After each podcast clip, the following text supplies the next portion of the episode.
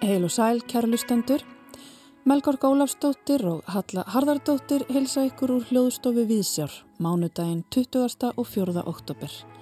Í dag er kvennafrítagurinn og Víðsjá mun ekki fara varhluta af því. Í þetta dagsins verður óvænt þema og það er nafnið Yngibjörg. Í dag eru liðin 100 ár frá því að Yngibjörg H. Bjarnason var kjörun fyrst kvenna á Alþingi í landskjörskostningum árið 1922 af sérstökum kvennalista. Að því tilefni stendur Saktfræðingafélag Íslands fyrir málþingi í Neskirkju í kvöld undir yfirskriftinni Yngibjörg, stjórnmálin og kvennarhefingin. Þar flytja fjórir fróðir frumalendur, tölur og við fáum tvær þeirra til okkar hér rétt á eftir.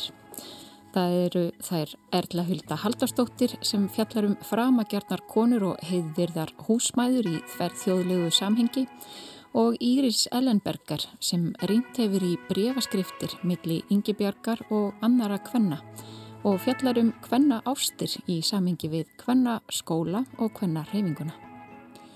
Yngibjörg Haraldsdóttir, skáld og þýðandi, hefði orðið áttræð síðastliðin fastudag. Á því tilefni leituðu við í sapn Ríkisútarpsins, þar sem er úr vöndu að velja. Við völdum tvö 20 ára gömul hljóðbrott og rödd Yngibjörgar mun því hljóma í þætti dagsins. Hvað það nákvæmlega verður, ætla að láta koma óvart lustandu góðir, þar tilum miðbygg þáttar. Við hlýðum líka á tónlist við ljóð Yngibjörgar. Það er á meðal glænit lag með tveggja kvenna hljómsveitinni Ingi Bjargir. Hanna skipa þær Ingi Björg Fríða Helgadóttir söngkona og Ingi Björg Ír Skarpíðansdóttir tónskald sem hafa síðustu ár unnið að sönglegabálki við ljóð Ingi Bjargar Haraldsdóttir. Undantekningin frá Ingi Bjargarreglu dagsins er bókarinni frá Gretu Sigriði Einarsdóttur sem fjallar þessu sinni um ljóðabókina Dagsláttu eftir Ara Jóhannesson. En við byrjum á umfjöllun um alþingiskonuna Ingi Björgu Há Bjarnason og kvennabarattuna á síðustu öld. Það eru sestareina hjá mér Íris Ellenberger og Erla Hulda Haldóstóttir, sagfræðingar báða tvær. Það er flytja erindi á málþingi í kvöld um Yngibjörgu Há Bjarnason í tilefni af því að 100 ár eru liðin frá því að hún fór fyrst hvenna á þing. Við ætlum að byrja á þér kannski Íris. Þú ert með fyrsta erindi á mm. þessu málþingi í kvöld og það hefur titilinn Ástar mögurinn Yngibjörg. Já, ég ætla að fjalla erindi sem er byggt á rannsókn sem ég vann fyrir uh, skömmu síðan um já, ég skoðaði skjálasafniðinu Yngibjörgar uh, og fann þar mjög svona innileg, já, bref, eh, ég vil ástarbref eh, frá tveimur konum sem að voru nefnendur við kvennarskólinni Reykjavík, það sem Yngibjörg vann þegar hún var að taka sín fyrstu skref og eruðu síðan svona samverka konur hennar í kennarastarfinu og ég ætla bara aðeins að segja frá þessum konum og, og þessum brefum og því sem ég í þeim stendur sem eru svona skemmtilega heitar uh, ástarlýsingar uh, eða lýsingar þeirra á til, þeim tilfinningum sem að yngi bruk vekur í, í, í þeirra brjósti. Og svo ætlum ég að setja þessi bref og líf þessara þryggja hvenna, kannski svolítið í samhengi við ja, hvenna skóla og hvenna baróttu og hins einleika sem að er í rauninni, já, má segja, sé eitt enginni á kvennabaratuna á þessum tíma og ekki síst hvað í rauninni kvennarskólum og stúrknarskólum á þessum tíma. Menn þess að svona fyrstu rannsóknir á sögu hins eginn kvenna Erlendis, fyrir þá einhverjum 40 árum eða svo, að þær voru oftar en ekki á, e, líka á sögu kvennarskóla vegna þess að það var svo algengt að þær stofnarnir fóstruðu ástir á milli kvenna. Þannig ég ætla svolítið að, það er það sem ég ætla svolítið að segja frá. Er þetta ný hlið á Yngibjörgu sem að hefur kannski ekki komið fram áður? Um, já og nei. Mm. Um, ástæðan fyrir því að við fórum að skoða skjálasafniðinar í, í svo kvöldu huldukonuverkefni var svo að það hafðu heyrst orðrómar um hennar hins einleika það var búið að skrifa það, um það kannski í einhverjum svona, í hérna einhverjum neðamálsgreinum í einhverjum, í einhverjum textum sem hefur verið skrifaður um hana. Og það vildi svo til að það var nýbúið að afhenda skjölin hennar eða það var komið ný afhending á hennar skjölum eða á hver, hvernig sögur safn Íslands þannig að við í þessu verkefni notum tækifærið og fórum og skoðum þessi skjöl. Og þar komu þessi bref í ljós og líka önnur kannski nafnlaus bref sem við höfum samt grunum að sé á eh, sest, hafi verið skrifað þessum töfum konum sem að, að ég ætti að fjalla sérstaklega um. Þannig að e, það að það sé fjallað um þetta á fræðilegum nótum þetta er svona sé dreyið fram í dagsljósi að það er kannski nýtt. En það voru orðrómar um yngjubörgu sem gengu um langt skeið áður en að við fórum almenlega að skoða það sem eftir hann er likur og fundum þessi bref Ingi Björg glæði sér fram við að vera í samskiptum við umheiminn og fór þess að kynna sér samkvæmt því sem maður hefur lesið aðla mentamál en mm -hmm. hún var líka mjög meðutuð um hvennar heiminguna og það sem mhm. var að gerast í Evrópa á þessum tíma. Erla Hulda, þú þitt erindi fjallar svolítið um það, þetta alþjóðlega samhengi. Já, þar sem ég ætla að fjallum fyrst og fremst er í rauninni kannski þessi, getum við sagt, hugmyndaheimur hvennar heimingarinnar sem er á áránum millir stríða bæði á Íslandi og Erlendis og svona draga það skýrt fram sem auðvitað margir þekkja að Íslands kvennarheyfing var í mjög góðu sambandi við það sem var að gerast Erlendis.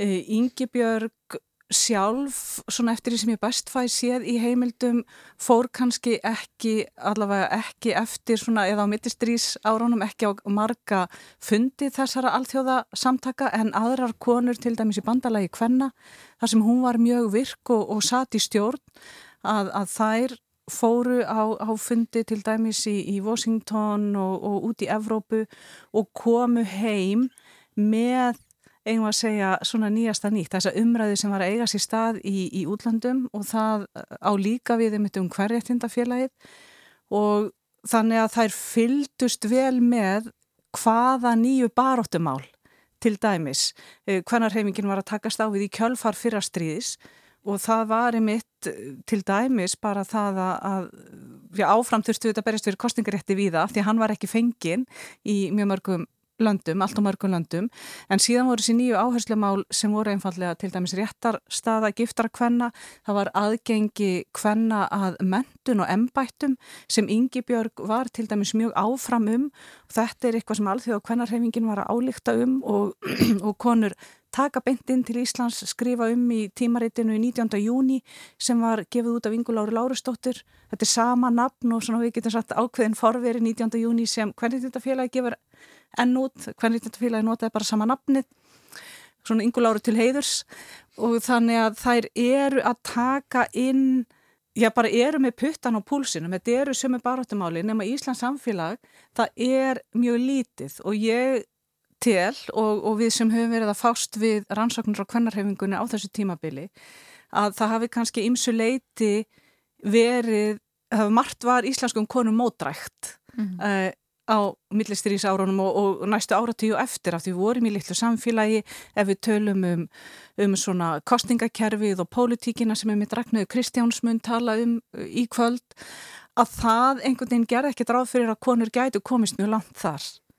Og þannig að, að svona út í löndum þó að konur mættu hindrunum þar þá höfðu þær kannski mitt meiri möguleika á ymsum störfum og kannski ekki síst konur eins og Ingi Björg, mm. ógiftar konur sem voru búin að sækja sér góða mentun, þær fengu ymitt kannski tækifæri til starfa á vettvangi hvernarskóla eða mentastofnana almennt í ofinberi stjórnsíslu. Uh, síðan var það sem starf þannig eins og í Breitlandi að ef, að, ef að þú giftir þig svo að þá þurftur að hætta að vinna. Mm -hmm. Til dæmis sjáinu ofinberi, það mátti ekki vera svona það sem kallaði civil servants eða svona ofinberir starfsmenn ekki hjá stjórnsíslunni og, og þannig að Þannig að íslenskar konur eru algjörlega með þetta og þær eru líka að takast á við eins og í útlandum ákveðnar áskoranir þar sem er, það hefur svo oft verið talað um bakslag og, og ekkert að gerast og húsmaðra hugmyndafræðin svo kallaða þar sem er verið að gera ráð fyrir að konur verði bara, séu bara áfram æður og húsmaður stórkostlegar í þýllutverki, alveg nýjar kynnslóðir. Það, svo umræðu all á sér stað og verður mjög ábyrrandi hér á Íslandi en konur berjast mjög gegninni og það er, viljum við ég ætla að segja margar af því við erum aðalega konur sem erum að vinna á þessu sviði svona teljum að, að, að það hafi í rauninni hvenna hreyfingin hafi verið talsvært mikið upplögri uh, á þessum tíma heldur en kannski eða hefur verið gefið til kynna og, og svona meira að gerast en við erum alltaf að hugsa um stjórnmálinn mm -hmm. og þær komust illa í gegn þar en, en þær voru svona láta til sín taka viða í viðskiptum, verslun og þjónustu en mm -hmm. Kanski þarf að grafa dýbra eða einmitt finna bref til þess að komast að því hvar baráttan lág hún er kannski ósynleiri heldur en stjórnsíslan gefur til kynna Já, allir það ekki sem byrti fyrir þá náttúrulega erum við að fá, fá inn alltaf ný og ný og ný gögn þannig að fræðuminn fá svona nýtt fóður í sína rannsóknir. Mm -hmm. En var þetta leinimakk? Nei, rauninni ekki, eða jú, kannski þessar svona heitu tilfinningar að það mhm. eru það uh, að sjálfsögðu, ekki eitthvað sem að, held ég fólk sé almennt að bera tórka á þessum tíma, sama hvort að ástmögurinn er að sama kína eða ekki, sko. En það er samt ákveðin svona viðkynning á þessum tíma fyrir því að konur eigi í nánum sambundum að það er búið saman til dæmis, ég fylgja áratugji að það er mögulega alveg börn saman að það er ákveðið svona svigurum þar, kannski fyrst og fremst vegna þess að í flestum borgum í Evropu eru miklu fleiri konur heldur en karlar. Þannig að það það eru margar ógiftar konur sem að, að búa í borgum í Evropu, ég er að tala um tímafli sem ég er að fjallum er þarna upp úr 1900 mm. þannig að það er ákveðið svona sveigurum fyrir því ákveðin svona hefð fyrir því þannig að það séu konur sem að séu sem að búi saman og, og hérna og í rauninni séu hlut af sömu fjölskyldu, stopnið til fjölskyldu saman þótt að sé kannski ekki litið á þær sem hins egin í kannski okkar skilningi í dag en það þótti að það var skára heldur en þar verður þá að eldast við einhverja mm -hmm. gifta menn til dæmis eh, og einhvern spörnundan hjónabands þannig að kannski hluta til einum makkan samt að hluta til ekki mm -hmm. en kannski bara meira svona eitthvað sem er að koma skýra fram líka eins og í Európu hjá súfragettunum að mm -hmm. margar sem að börðist þar hvað mest verðast hafa verið hins einn. Það er náttúrulega, það er líka held í svona ákveðin svona alþjóðlega tenging sko að það er eins og til og með Ingebjörg hún fer og ferðast og hérna þessi svona kvennapör sem eru hérna á Íslandi hluti af freyfingunni að ég held að þær séu mörguleiti bara einhvern veginn að fella sig að ákveðinum, ákveðinum hefðum eða sem að eru hluti af þessari svona alþjóðlegu kvennarheyfingu. Það eru dagljóst að svona kvennapör að þær voru stór hluti af hvernarhefingunni mm -hmm. um, grunir allavega að þetta sé í rauninni bara svona hluti af þessum svona þessari alþjóðlegu hefði eða mm -hmm. hluti af þessum, þessum svona þverðþjóðlegu samböndum sem að Ísland hefur við og, og þessar hérna súfragettur sem þær hafa við umhefin mm -hmm. En Erla, höldu, mér finnst þú að hafa verið að segja á þann að í rauninni hafi kannski íslenska konur verið líka að berjast á móti þessari reyfingu eða svona haldi fast í sína rótgrúnu hugmyndafræði. Já, það er náttúrulega og það, það er auðvitað þekkt á alþjóðavísu mm -hmm. líka en það kannski, kannski verður byrtingamindir sterkar í svona pínulittlu samfélagi eins og við búum í þar sem svona þetta landbúnaðarsamfélag sem við höfum búið í svo lengi það var einhvern veginn bara rétt að breytast á þessum tíma frá kannski aldamótanum 1900 með þessi tími sem Íris er að fjallum að þá fjölgar mjög konum í og síðar hluta 19. aldar í Reykjavík sífælt fleiri sækja í þjættbílið og svona það verður til meira það sem við köllum borgarastjætt og Íris sem hefur skrifað grein um það, eða kannski þess að alþjóðlegu vitt getum við sagt í, í bara Reykjavík. En það sem gerist á millistriðs áránum og svona er, hefur við talað um bara á alþjóðavísu að það er einhvern veginn, það er þetta sjokk sem verður með stríðinu af því að Evrópa eða hinn vestræni heimir getum við sagt ímyndaði sér við værum á einhverju svona framfara braut og allt myndi leiða bara áfram til góðs og, og allt það. Síðan kemur stríðið með þessum hörmungum og það verður ákveðin það, það er eiginlega tvent sem gerist eftir stríðið. Annars vegar er gríðilegt uppbrott á gamlum gildum, það koma nýja reyfingar í listum og menningu og kjólarnir stittast og, og konur klippa sig og, og, og einhvern veginn bara neistla svona dægurmenning og neistla breytist. En um leið kemur líka mjög sterk reyfing gegn þessari breytingu. Sigri Mattíastóttir Sackfræðingur hefur náttúrulega skrifað mikið um þetta á ísinni doktorsrannsóknir, sann íslendingur. Og þá kemur þessi tilneng til þess einhvern veginn að reyna að færa að minnst að hluta til samfélagið aftur í fyrra horf og þá ætti þá sérstaklega við um konurnar af því að þær eru kallar með að gera alls konar og geta gert alls konar. En kona, gift kona sérstaklega sem hortsteitt heimilis það er hún sem mentar börnin, það er hún sem fræður þau og hún má vera vel, vel mentuð fyrir það hlutverk og það er allt mikilvægt. En hún á ekki svona stíga oflant út fyrir og reyna að fara að gera það sem kallar gera. Og það eru konur sem taka mjög stóran þátt í að viðhalda þessari já, sem við kallum húsmæri hugmyndafræði. Við getum nefnt Sigrunu Blöndal eh, skólastýru húsmæra skólas á Hallandstað hún er náttúrulega alveg margfræg skrifaði greinar og stórgóðslega mentu kona og mjög merkileg kona. En hún einhvern veginn bara talar um þetta. Ég menna konur eru með bara eðlik hvenna er öðruvísi, þær eru með minni heila og, mm og það er bara já hún aðhildist, það voru bara alls konar kenningar í gangi. Og, og konur sagt, í rauninu þeirra sanna köllin væri að vera mæður og húsmæður, þannig að konur er og glapstigum til dæmis að vera að menta sig of mikið, mm -hmm. þannig að það er þetta sem er verið að glíma við og við um Evrópu, ekki síst í fasískum ríkjum þar var þrengt að réttindum hvenna, nú tekin af réttind aftur og takmarkað aðgengi hvenna getnaðavörnum Það auðvitað snýrist líka um það að, að bara passakonur hefði ekki auðvitað stjórn á sínum eigin líkama og, og barningnum og það auðvitað vantaði nýtt bissufóður, bara maður segi það reynd út. Mm. Og það er eitt sem alþjóða kvennarhefingin var að gera, vinna mjög markvist af friðamálum. Það voru bara mjög sterkar friðarhefingar, alþjóðleg friðarhefing hvenna sem var sett á stopna á stríðsáranum fyrri og er mjög áberandi eftir stríð og, og þá er bæði súrhefing og aðrar kvennarhefingar reyna að koma hverjættindum inn í að það væri sagt, eh, tekið inn í stoppskrá og, og, og starfsemi þjóðabandalagsins sem er forverið í saminuðu þjóðun og er stopnað strax eftir stríð og í kringu verselasamningana. Þar voru konur á útdopnu og íslenskar konur fylgdast mjög vel með, skrifuðum þetta í kvennablaðið í 19. júni þannig að, að það er einhvern veginn, þessi reyfing er óbáslega öflug. Mm -hmm. Þannig að það er þetta tvent í gangi, afturkvarfið og einhvern veginn mikil kraftur held ég með að segja. Við sínist Íris vera sammála. Finnur þú fyrir þessum krafti í þessum brefum nefnenda yngibjörgar?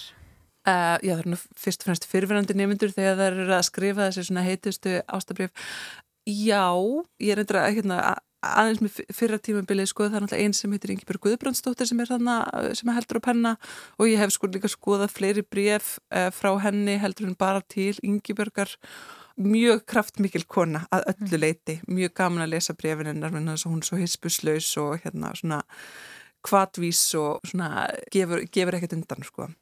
Og þar sér maður líka í sagt, eh, brefin sem að Sigri Björnsdóttir er varfitt í hennarsafni og þar eru bref Ingibergar meðal annars að þær eru með aðrar hugmyndir um lífið og tilvöruna og hvernig þær sjá fyrir sér sína framtíð heldur en kannski var normið á þessum tíma og þær eru, þær eru virkar í hvernarheimingunni, eru stopp, stopp meðlemi hvernarhindafélagsins og Ingi Björg fer síðan og hérna, heldur sundnámskið út um allt land, hún er íþróttakennari, hún tekur þátt í skautakeppnum og, og hérna, þannig að já, það er, það er mikill kraftur í þeim mm. allavega. Mm -hmm. Þetta eru kannski þær konur sem ég skjóti því að sem hafa í rauninu kannski kringum aldamátið 1900 verið kallið svona eins og nútíma konan, mm -hmm. það er svona þessi nýja hvennýmynd að verða til, konur sem sáu fyrir sér aðra framtíð og aðra möguleika heldur en mæður og, og ömmur mm. og síðan erum við að millistýris áránum þá erum við meira með það sem er kallað nýja konan sem er eitthvað svona fyrirbæri sem er frekar illa skilgreint mm. og alveg svolítið umdeilt í fræðilegu mm. er það fyrst og fremst eitthvað bókmyndafyrirbæri þessi svona strákalega stelpa eða mm. hver mjög var hún til í raun en ymitt þeir sem voru með svona þessar afturhalds samari hugmyndir hötuðust svolítið við nýju konuna því hún var táknmynd ekki bara hins ókvenlega heldur einhvern veginn úrkynjunar og, mm. og þessin samfélag átti ekki að vera af því að hún einhvern veginn þrýsti á þessi mörg mm. og ja. hafnaði svolítið þessum gamla kvenleika. Mm. Þetta er náttúrulega endur tekinn stef í kvenna baráttunni þetta hvort að konan eigi vera eins og kall eða eins og kona heldur þau kannski að hinsegin fræðin geti losað okkur úr þessari polariseringu? Eh, já, hinsegin fræði hafa alla burði til þess. Mm. Um, það er náttúrulega mjög mikið verið að einmitt skoða einmitt öll þessi norm og hvernig fólk brítuðu upp kannski sérstaklega. Mm -hmm. eh, og svo viðbröð viðbröð við því hvernig verið að reyna að stýra kynverund fólks og, og, og hvernig fólk já, berst á móti því þannig að hins eginn fræði og hins eginn sagar er mjög, mjög skemmtileg gleru að setja á nefið þegar maður er að skoða já, ekki síst sögu hvenna það er náttúrulega líka farmaður farmaður líka ákveðin tæki fyrir til að bera kennsl á sambönd hvenna sem í rauninni hins eginn sambönd, menn svo lengi að þá höfum við haldið að já, þær voru bara góðar vinkonur eða eitthvað í þeim dúr nema við höfum einhverjar hérna, mjög ofinbæra lýsingar á einhvers konar kynferðislegum aðtöfnum eða kostum eða einhverju þannig sem er náttúrulega aldrei til staðar sko. en þar, þar fáum við svona tækin í rauninu svona, svolítið til þess að já, hins segja fortíðina með, meðal annars Ingebjörg H. Bjarnarsson sem er e, mjög skemmt. Og það verða fleiri erindi í kvöld á málþinginu um Ingebjörgu H. Bjarnarsson. Það er Ragnhildur Kristjánsdóttir og Kristín Ásgersdóttir flytja erindi og það er af nógu að taka í sögu Ingebjörgar og kvennabarattu á Íslandi. Takk einlega fyrir komuna. Íris Ellenbergar og Erla Hulda Halldórsdóttir. Takk, takk fyrir. Melkorka rætti hér við tvær af frummælendum á málþinginu Ingebjörg, stjórnmálin og kvennarhefingin sem Sakfræðingafélag Íslands stendur fyrir í Neskirkju í kvöld. Konan í speklinum er sönglega bálkur með nýjum lögum við ljóð Yngibjörgar Haraldsdóttur. Tónlistakonunar Yngibjörg Fríða Helgadóttir og Yngibjörg Ír Skarpjænsdóttir nefna sig saman Yngibjörgir. Hafa unniða tónlistinni síðustu ár og undirbúa plötu útgáfu. Förstu daginn síðasta á áttræðisammælistegi Yngibjörgar Haraldsdóttur kom fyrsta lagið af plötinu út með lag við ljóðið Land. Í læginu heyrist lestur Ingi Bjarkar Haraldsdóttur sjálfrar sem samnöfnur hennar fletta inn í lægið. Hlýðum að land, nýtt lag Ingi Bjarka við ljóð Ingi Bjarkar Haraldsdóttur. Ég segi þér ekkert um landið. Ég syng engin ættjarðarljóð. Um hellana, fossana, hverina, ærnar og kýrnar um baráttu fólksins og barning í válegum veðrum. Nei. En statu við hlið mér í myrkrinu Andaðu djúft og fyndu það streyma. Segðu svo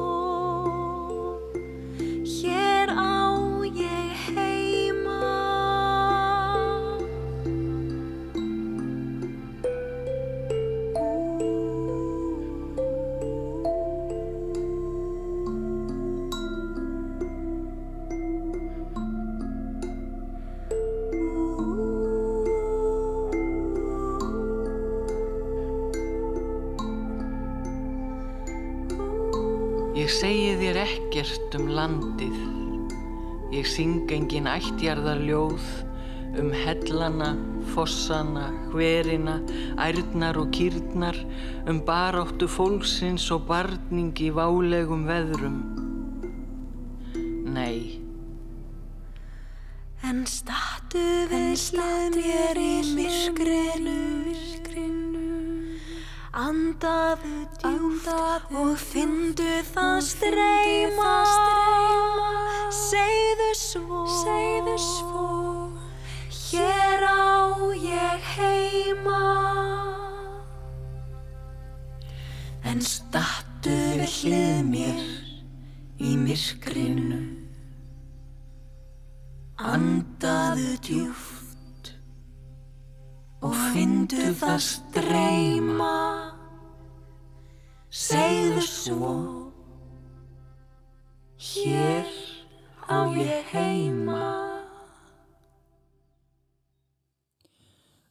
Hér lagið Land, nýtt lag Ingi Bjarga við ljóð Ingi Bjargar Haraldsdóttur. Fyrsta lagið af plötu Duatsins sem að kemur vonbráðar út. Já, þann 21. oktober síðastliðin hefði skáldið og þýðandin Yngibjörg Haraldsdóttir orðið áttræð en Yngibjörg lést árið 2016. Yngibjörg hlaut hinnar ímsu viðkenningar fyrir störf sín, skáldskap og þýðingar, var tveisvar tilnæmt til bókmentaverluna Norðurlandaráðs og hlaut Íslensku bókmentaverlunin 2002 fyrir ljóðabókina Hvar sem ég verð. Við það tilefni helt Yngibjörg ræðu á bestastöðum þar sem hún rætti um mikilvægi ljóðsins. Við skulum heyra þessa ræði. Ágætt að samkoma. Ég þakka af alhug þann heiður sem mér og ljóðabókinni minni er síndur í dag hér á þessum sögufræga stað. Þær rattir heyrast af og til að ljóðið sé við dauðan styr, komið að fótum fram, eigi sér engan tilgang í nútímanum innan um glingur og glans, töfratól og trillitæki, eigi sér enga framtíð nema að vera skildi á einhverju gjörgæslu deild. Ég tek ekki undir þetta svartagalls raus. Þess í stað hef ég sett saman örstuttan pistil í tilefni dagsins og hef nú lesturinn. Um nýtsemi ljóða. Allt frá því að Egil Skallagrímsson þáði sinn hjálma klettað launum frá Eiriki Blóðags fyrir hvæðið höfulöst hefur það leið í augum uppi að ljóð geta bjargað mannslífum. Egil sínd okkur reyndar líka fram á að ljóð geta læknað þunglindi þegar hann orti sonatorreg. Að vísu kom kvenleg kænska þar líkað gagni en hún hefði ekki dugað einn og sér. Líknar og lækningamáttur ljóðsins er sem sé óumdeilanlegur og hefur verið frá árdögum. Samt hafa heilbriðistjettirnar áreðanlega ekki stunda það að neinu marki að lesa upp ljóð fyrir sjúklinga. Þótt ég þekki reyndar nýlegt dæmi þess að læknir hafi gripið ljóðabók af náttborði sjúklings sem var þungt haldinn og lesið upphátt úr henni með þeim árangri að bráði af þeim sjúka svo hann tók undir með lækninum við fluttning þeirra ljóða sem hann kunni utanað og hrestist mjög við þennan gjörning. Ljóð eru til margra hluta nýtsamleg. Þau hafa gagnast vel í tengslum við fræðslu, aftreyingu og uppeldi barna og nægir að benda á þulurnar gömlu sem hveðnar voru í baðstofum, barnagælur og barnavísur gegnum tíðina og inn í 2001. öldina, allar götur til okkar ágætu samtíma skálda Þórarins Eldjárns og Böðvars Guðmundssonar.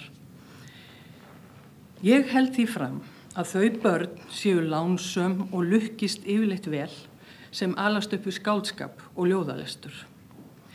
Ég er til dæmis alveg vissum að hefði móðir núverandi bandaríkjafórsetta lagt jafn mikla eða meiri áherslu á ljóðalestur en grænmætis átt, svo ágætt sem það nú annars er.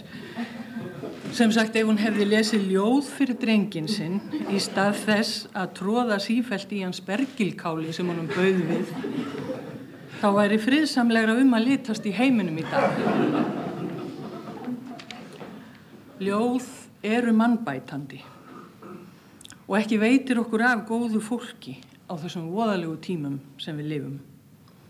Þó ekki væri nema til að hafa vit fyrir hinum sem hafa farið á mis við skáldskap í lífinu og eiga engan söng í sinni sál.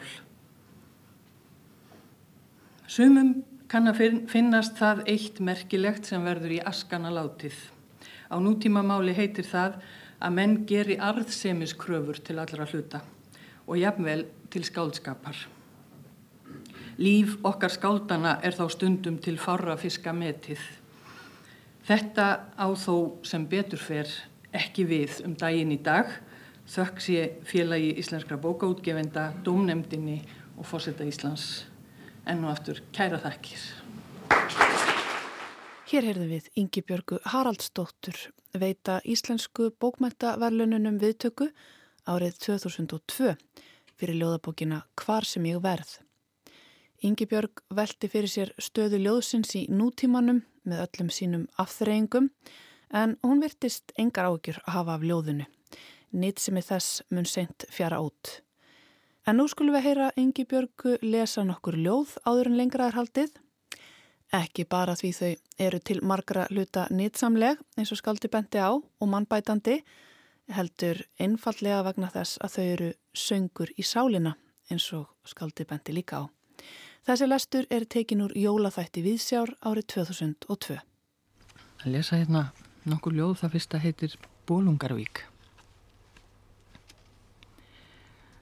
Spór þín, löngum áð á mölunum þar sem þú stóðst í sískinahópnum og ríndir í kófið, litlir lófar í lófum þínum og þrýst fast, hort út á hafið Fátt sagt, beðið, bát sem aldrei kom, manns sem borin var heim á sjóbúðarloftið lífvana.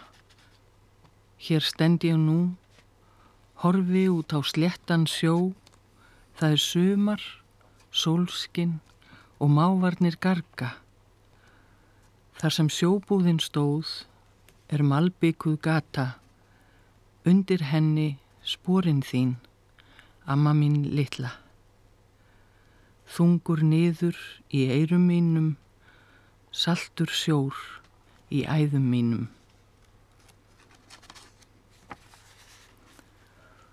Dúvan mín. Gæti ég bara dansað við þig, dúvan mín á torkinu, dansað við þig dægin langan, dansað úr þér sorgina, draumabarnið smáa, gæti ég bara huggað þig og rakið kvíðan burt, Gefið þér lífið sem lifnaði forðum með lýsandi orðum, gæti ég bara snert þig snaróðum orðum og ljóðum sem lækna, gæti ég bara gefið þér ljóðin sem lækna.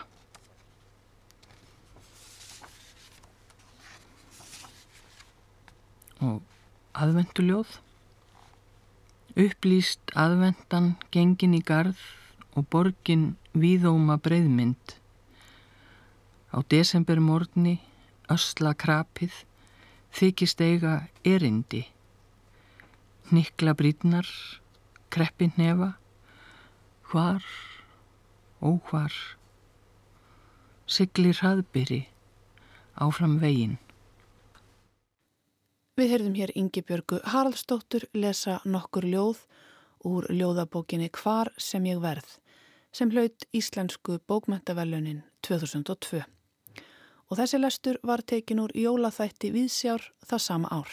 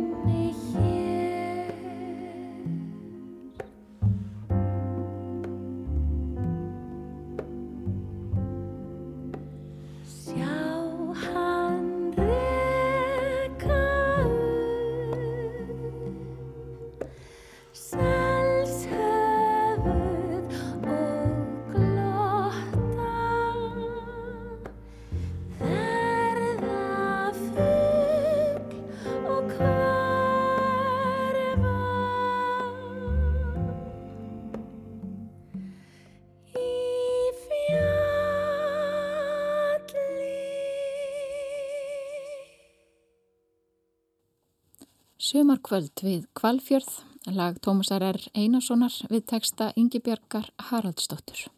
Það var Sigriður Tollesíus sem söng. Og við höldum áfram með ljóðin hér í Vísjá. Dagsláta er önnur ljóðabók Ara Jóhannessonar Læknis sem einni hefur skrifað tvær skáltsugur. Fyrir fyrir ljóðabók sína Öskudaga hlaut Ari bókmyndavelun Tómasar Guðmundssonar. Greta Sigriður Einarstóttir tekur nú við. Í starfi læknisins er dauðin alltaf nálegur. Hver aðgerð sem gerði er til að gera líkamannum fært að halda áfram að virka er áminning um að hann geti og muni hætta því, jafnvel fyrirvara laust. Í listasögu Evrópu er algengt að sjá drungalegar myndir af hauskúpum og manninu með ljáinn. Slíkar myndir báru heitið með mento mori eða myndu að þú mynd deyja. Þar eru þó ekki engangu gerðar til þess að veika hrylling því áminningin um dauðan er í senn áminning um lífið. Mundu að þú mynd deyja en mundu að lifa fyrst. Dagsláta er önnur ljóðabók Ara Jóhannessonar læknis en hann hefur einnig gefið út tvær skáldsögur. Fyrir fyrstu bók sína sem kom út árið 2007, Öskudagar, hlaut Ari bókmæntaverlun Tómasar Guðmundssonar sem veitt eru fyrir óútgefin handreitt að ljóðabókum. Ari hefur starfað sem læknir í áratögi og sækir í þá reynslu sína í ljóðum sínum og þar er dagsláta engin undantekning. Ljóðin eru í þremur köplum sem bera heitin ljósóp og litir, ávökuheiði og þel. Í fyrsta kaplanum stillir Ari upp augnablikum úr náttúrunni sem endurspegla stígin í lífi mannsins. Líf kviknar og líf endar. Vorbóðar gera vart við sig og sölnuð löfblöð haustsins kallast á við endurminningar eldri manna sem sjá nýjar kynnslóðir stíga í sömu spórin og þeir gerðu fyrir löngu síðan. Ringar ás náttúrunar endur speklast í árstíðunum og kynnslóðunum en mannana býðar sömu örlög og haustlöfana. Myndir af náttúrunni ráða för og endur spekla hið innra landslag. Tíminn er alltaf áberandi. Mörg ljóðana fjalla öðrum þræði um árstíðirnar eða mismunandi hluta sólarhengsins, nóttina eða morgunin. Hvort sem fjallað er um getnað eða meðgöngu eða yfirvofandi dauða áttræðsmanns er lesandi gerður meðvitaður um tíman eins og ámeining um niðurtalninguna sem fer af stað um leið og við fæðumst. Í öðrum kabla sem er þeirra lengstur og ber heitið á vökuheiði leitar Ari í reynslubanka læknisins.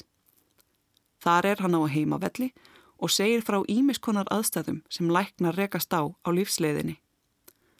Læknarinn sem ljóðmælandi er stundum ungur, stundum á miðjum aldri, stundum óörugur frammi fyrir ábyrðinni sem kvílir honum á herðum og stundum dabur vegna þess að harmleikin frammi fyrir sér hefur hann séð spilast út mörgum sinnum áður. Fyrsta ljóðið í kaplanum er tilengað útskriftar árinu 1973 og það ásandi sem fylgir næst á eftir, lýsir byrðinni sem fylgir því að taka að sér ábyrðina á því að mæta fólki af öllum stegum þjóðfélagsins á þeirra viðkvæmustu stundum. Læknar fá einsýn í einstakar hlið mannlífsins sem verður kveikjan að myndum sem ekki allir fá séð. Ægsli á sneiðmynd af lúnabergjum verður að eldröðu eppli á tré og blóðsegi er fuggsungi sem er ný flógin úr volkur heðri. Önnur ljóð segja einfaldar en þó áhrifamiklar sögur um fólkið á bakvið kvillana. Hann fjallar um móður ungs manns sem látist hefur úr ofstórum skamti, fólkið á sjúkrahúsinu sem tekur vonlítið á móti áfengisjúku skáldi í afvötnin, ungan mann á nýjönda áratögnum sem veit að hann er með eðinni áður en hann fær staðfestinguna, læknin sem flytur slæmar fregnir og sjúklingin sem heyrir þær. Í þriðja hlutanum sem ber heitið þel kennir ímessra grasa. Þar má finna samheldið par gegnum árin skilið í sundur af elliglöpum á síðustu metrunum, íslenska rándýr, sársökan og nýjasta bæklingin frá rúmfattalagurnum. Í kaplanum er ekki að finna jafn sterkan þráð og í þeim sem á undan komu en þó er endur tekið stef sem er aldurinn og mikilvægi þess að halda áfram að lifa þanga til líka minn hættir að virka. Náttúran er í leiki hlutverki í dagsláttu, bæði svo innra með okkur og svo sem umkringir okkur. Í ljóðum eins og vorbóðar má sjá frásögn af farfuglum koma aftur eftir veturinn og aðdáun að þeirra fagra kröfulösa lífi eins og höfundurinn kemst að orði. Í náttúruna segja ljóðmælendur ró og jarðtengingu, stöðugan og eilífan bakgrunn fyrir dramatík hinnar örstuttu mannsæfi. Annað þema í bókinni sem kemur upp aftur og aftur er aldurinn og hvernig lífið lítur út séð frá stittri endanum. Ljóðmælendur Ara líta gertan tilbaka og rifja upp liðina tíð eins og í ljóðinu Málverkið, þar sem Málverka dansleik í listasafni Íslands við fríkirkjuveg kveikir minningar um dans í glömbæ. Eða í ljóðinu Gamall maður á bekk, þar sem eldri maður sem nýlega hefur fengið slæmar frettir um heilsufarsitt lítur yfir farin veg, þó þess fullvis um að nósi eftir. Ljóðmælendur sem komnir eru á aldur rista öðru kóru hausin yfir nútímanum og hans nettröllum sem stunda krossfestingar. Þrátt fyrir að litið sé yfir farin veg er þó ekki um fortíðar þrá að ræða. Hér er frekar aðruleysi gagvart framgangi tímans og lesendum brínt að taka hverjum degi eins og hann er, antæst á að gleima því sem á undan fór. Raunar hljóða loka orðin í síðasta ljóðinu, morgunverk, svo. Kjarna mig í grámanum, sæki rafræn skilríki í reynslu bankan. Stimpla mig svo inn í óvissu ferð ánfyldar, einn daginn enn. Á heildina litið er margt áhugavert í dagsláttu Ara Jóhannessonar. Náttúruljóðin og árstíðamyndirnar eru snodrar þó ekki sé kannski mikið nýtt undir sólinni. Það sem stendur upp úr eru ljóðin sem fjalla um lækna og sjúklinga, fjölbreytileika mannlífsins sem mætir á sjúkrahúsin og mannlegum breyskleika læknana sem hafa örlög þeirra í höndum sér. Ljóðin eru í hægum takti og sum náttúruljóðana láta lítið yfir sér við fyrstu lestur. Sumar læknasögurnar eru kannski full einfaldar en þegar á heildina er litið spila ljóðin vel saman. Það er jarðbundin ró yfir aldrinum sem undirstrykar ámenninguna sem endur ómar gegnum bókina. Mundu að þú þarfst að lifa áður en þú deyrð.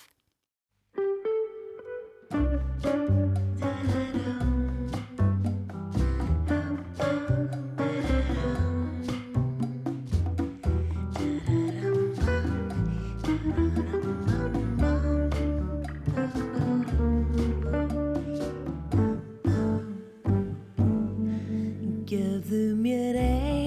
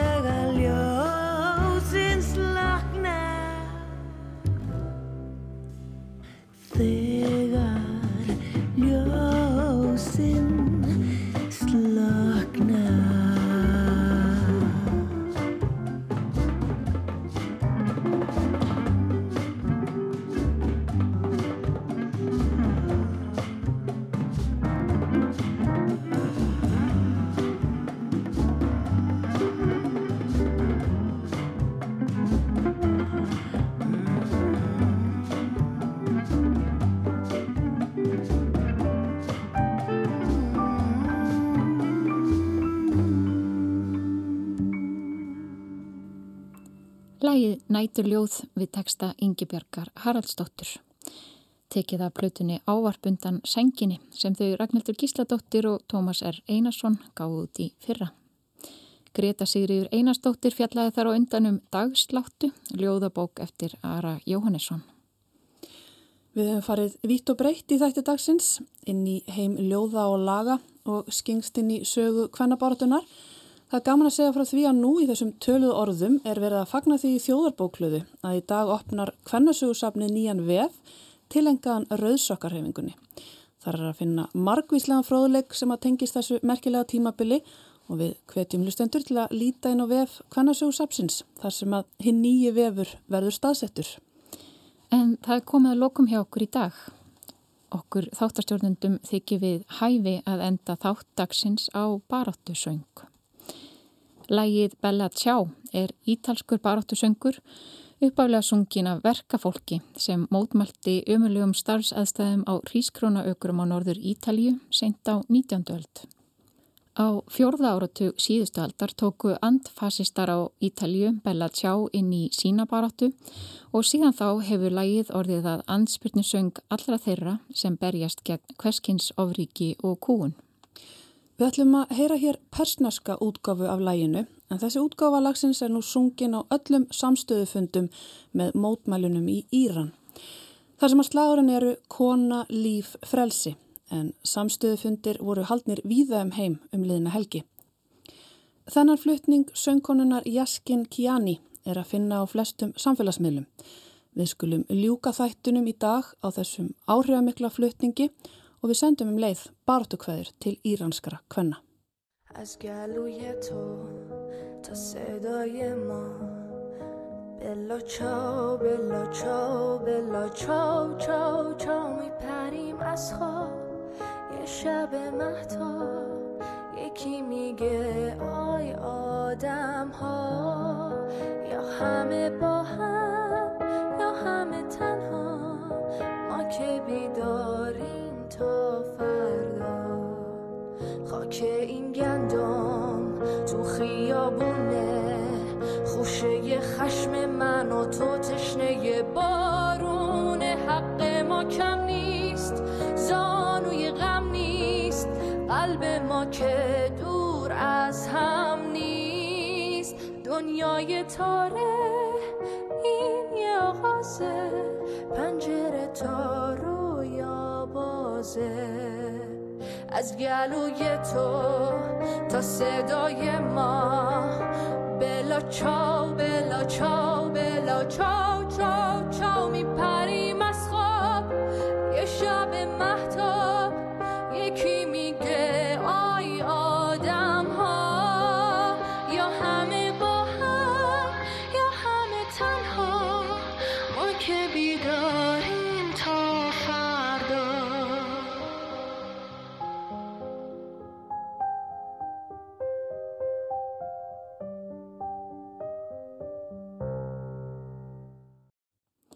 Jaskin Kiani söng persneska útgáfu af læginu Bella Ciao, lag sem er sungið á samstöðufundum með mótmælunum í Íran undir slagorðunum Kona, Líf, Frelsi. Og þessu slagorði endur við þáttin í dag. Takk fyrir að vera með okkur og verið sæl.